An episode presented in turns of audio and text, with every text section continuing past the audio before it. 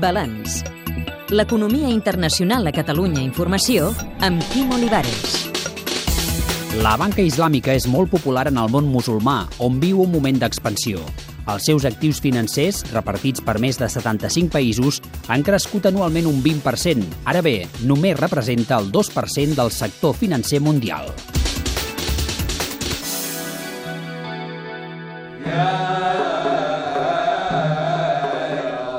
Javier Albarracín, director de l'àrea de desenvolupament socioeconòmic de l'Institut Europeu de la Mediterrània. Un dels temes que diferencia la banca islàmica de la banca tradicional occidental, podríem dir, és que no està permesa eh, l'interès i la usura. Això està prohibit dintre de l'entorn islàmic i el que fan és compartir riscos, és a dir, no donen un crèdit, sinó el que fan és entrar amb una participació, diguem-ne, per compartir riscos i beneficis. Aquest és el principi bàsic, però n'hi ha més. No entren a fer enginyeria eh, financera ni especulativa, sinó que bàsicament el que financien són inversions tangibles. I això és un tema que en aquests moments, a l'estar arrelat a economia real i no especulativa, també, en un moment de crisi com l'actual, és un altre dels atractius. Aquesta banca és indissoluble de l'islam. Aquí entra, doncs, la religió i les activitats pecaminoses. No es pot finançar cap mena d'activitat que tingui a veure amb temes de pornografia, amb temes vinculats a alcohol i altres productes que consideren haram. Hi ha una certa connotació ètica des del punt de vista religiós islàmic del tipus de projecte que es pot finançar, o finançar amb, aquesta sensació, amb aquest sentit de no donar un crèdit, sinó implicar-se en la pròpia gestió. Una data clau, el 2011, quan esclaten les revoltes al nord d'Àfrica. Aquestes revoltes van obrir la porta a reformes legals per afavorir la banca islàmica. A nivell governamental s'estan canviant o adaptant les lleis, i això passa a Marroc, això passa a Tunis, això passa a Egipte, per potenciar, per potenciar tots els temes vinculats a finançament o finances islàmiques. I ha permès l'emissió de bons públics, l'anomenat sukuk. Perquè aquests mateixos governs puguin emetre eh, sucuc, aquest tipus de deute públic, amb aquestes connotacions a no tenir interessos, per poder d'alguna manera aconseguir més recursos pels propis governs. Al món hi ha 300 institucions dedicades a la indústria financera islàmica.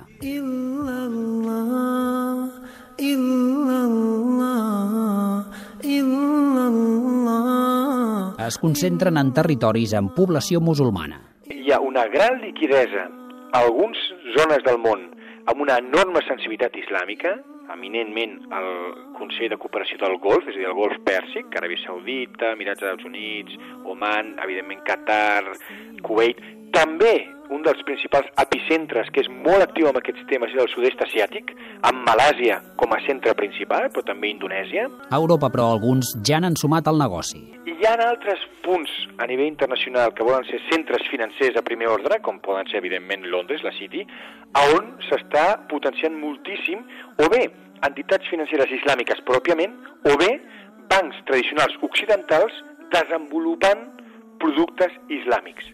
Segons l'Institut Halal de Còrdoba i l'Associació Espanyola de Banca, no hi ha cap entitat financera que ofereixi productes d'aquesta mena a Espanya. Ho impedeix la legislació bancària. Hi ha gent del Golf interessada a començar a operar a nivell de finances islàmiques a Espanya, però en aquests moments s'haurien de fer una sèrie d'adaptacions legislatives.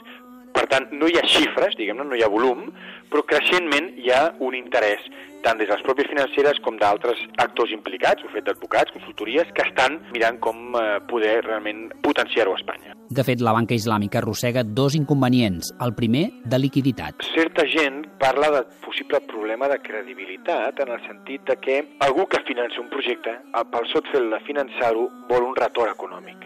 Digue-li interès, si no, no és una entitat financera. I això és un problema que han tingut diverses entitats financeres islàmiques, que és que han tingut certs problemes de liquidesa. I el segon, d'imatge. En aquests moments, malauradament, tot el que tingui la connotació islàmica és un tema que està associat a problemes d'imatge. Si tu li dius a una pime de buscar finançament, dirà que estarà encantada de poder trobar-lo, però si dius anem a un banc islàmic o a buscar fons islàmics, et dirà, bueno, escolti, jo no sé qui es posarà darrere, qui hi haurà darrere d'aquest fons islàmic en un context convuls en el món islàmic com l'actual. S'ha de fer molta pedagogia, diguem-ne, perquè hi hagi importants usuaris fora de l'entorn islàmic.